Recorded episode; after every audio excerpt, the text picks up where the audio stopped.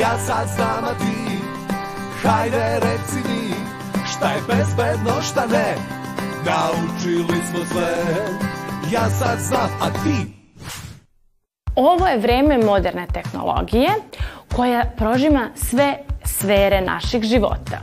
Internetom se služimo u mnogim situacijama i naš je život postao bolji upravo zbog olakšica koje internet donosi. Međutim, internet može biti mesto na kome neko trpi nasilje. Trpiti nasilje bilo koje vrste je veoma ozbiljno i zbog toga danas učimo kako se zaštititi i kome se obratiti.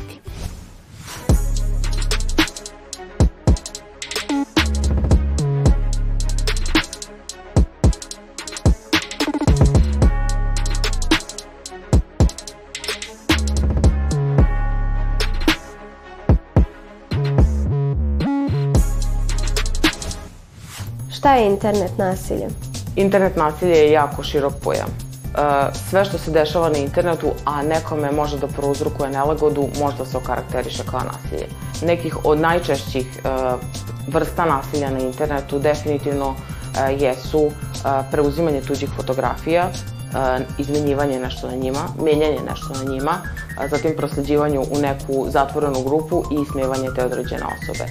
Takođe slanje ružnih komentara, slanje, ostavljanje ružnih komentara, slanje poruka sa pretećom sadržinom, a, takođe izopštavanje drugara iz grupe takođe može da bude vid nasilje jer ako se osoba osjeća ugroženo ili loše, kao što sam rekla, to je nasilje.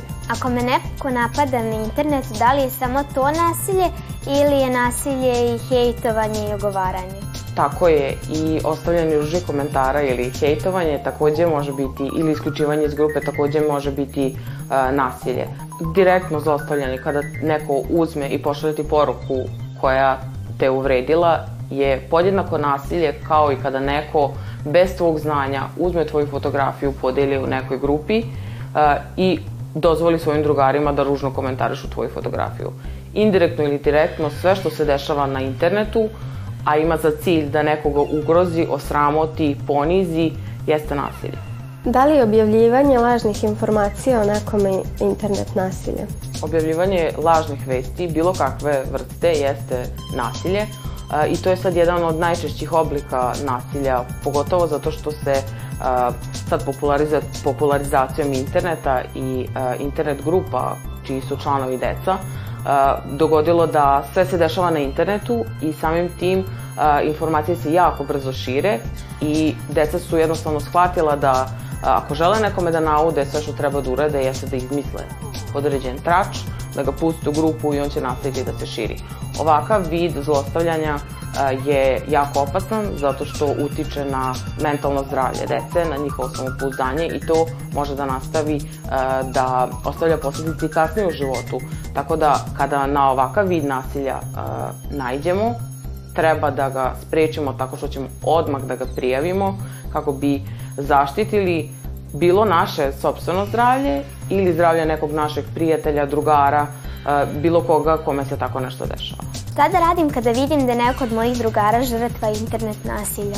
Ako vidite da je neki vaš prijatelj žrtva nasilja, eh, potrebno je da ga zamolite da on taj svoj problem podeli sa nekim ko je odrastao.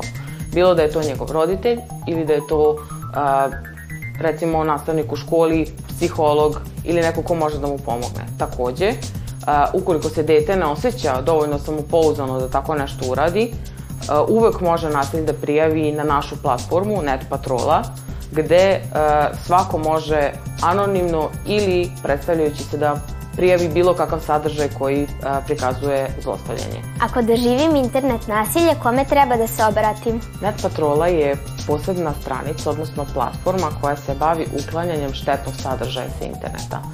A, mi smo prepoznali da se na internetu deli mnogo štetnog, štetnog sadržaja i poželjeli smo da a, tom problemu odgovorimo tako što ćemo da kreiramo ovu platformu štetan sadržaj u našoj državi, tako smo, odnosno u okviru naše platforme, jeste seksualno zlostavljanje dece, to je pre svega e, ono š, onaj sadržaj koji mi e, primamo i odmah prišamo sa interneta, ali takođe ako doživiš bilo kakvu vrstu nasilja. Kada neko dete doživi nasilje, dete uglavnom osjeća sram i stid zbog toga, zato što nije lako biti žrtva, nije lako biti slabiji, nije lako doživeti da te neko zlostavlja i pomiriti se sa time.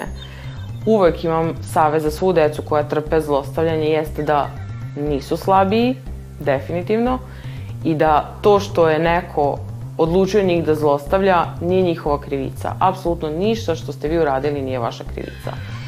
Sada kada smo to rekli, e, ne treba da osjećamo sram, da prijavimo roditeljima, da kažemo roditeljima da nam se neko rugao, da je neko napravio, da se osjećamo loše, da se osjećamo manje vredno, a samim tim ne bi trebalo da se plašimo ni da to kažemo našim nastavnicima, pedagogu ili psihologu u školi, jer to, ti ljudi su zbog toga tu zaposleni, Oni su zaposleni da nas štite i da budu tu uvek za nas, da im se mi poverimo, da im se otvorimo i da nam ponude rešenja za naše probleme. I na kraju, uvek možete da se obratite našoj net patroli, uvek možete da pozovete naš broj gde će vam se javiti naš psiholog koji će vas posavetovati šta dalje možete da radite i pomoći će vam da se osjećate bolje. Ako koristiš društvene mreže i imaš svoj profil, obrati pažnju na lične podatke i slike koje tamo postavljaš jer su tako vidljivi i drugima, a neko ih može zloupotrebiti.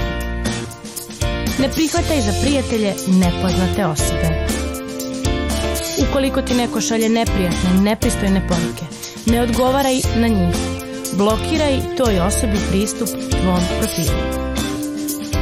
Ukoliko se to nastavi preko drugih, verovatno lažnih profila, ispričajte to bliskim osobama, roditeljima ili prijateljima koji će s vama potražiti rešenje za tu situaciju. Prijavite slučaj na dostupnim sajtovima i telefonima centrima koji brinu o bezbednosti dece na internetu. O ovoj temi je veoma važno govoriti i znati, jer niko nikada nema pravo da vas ugrozi. Uvek se obratite roditeljima, učiteljima ili pedagogu. I ne sramite se da to uradite, jer sramota uvek i samo pripada nasilniku.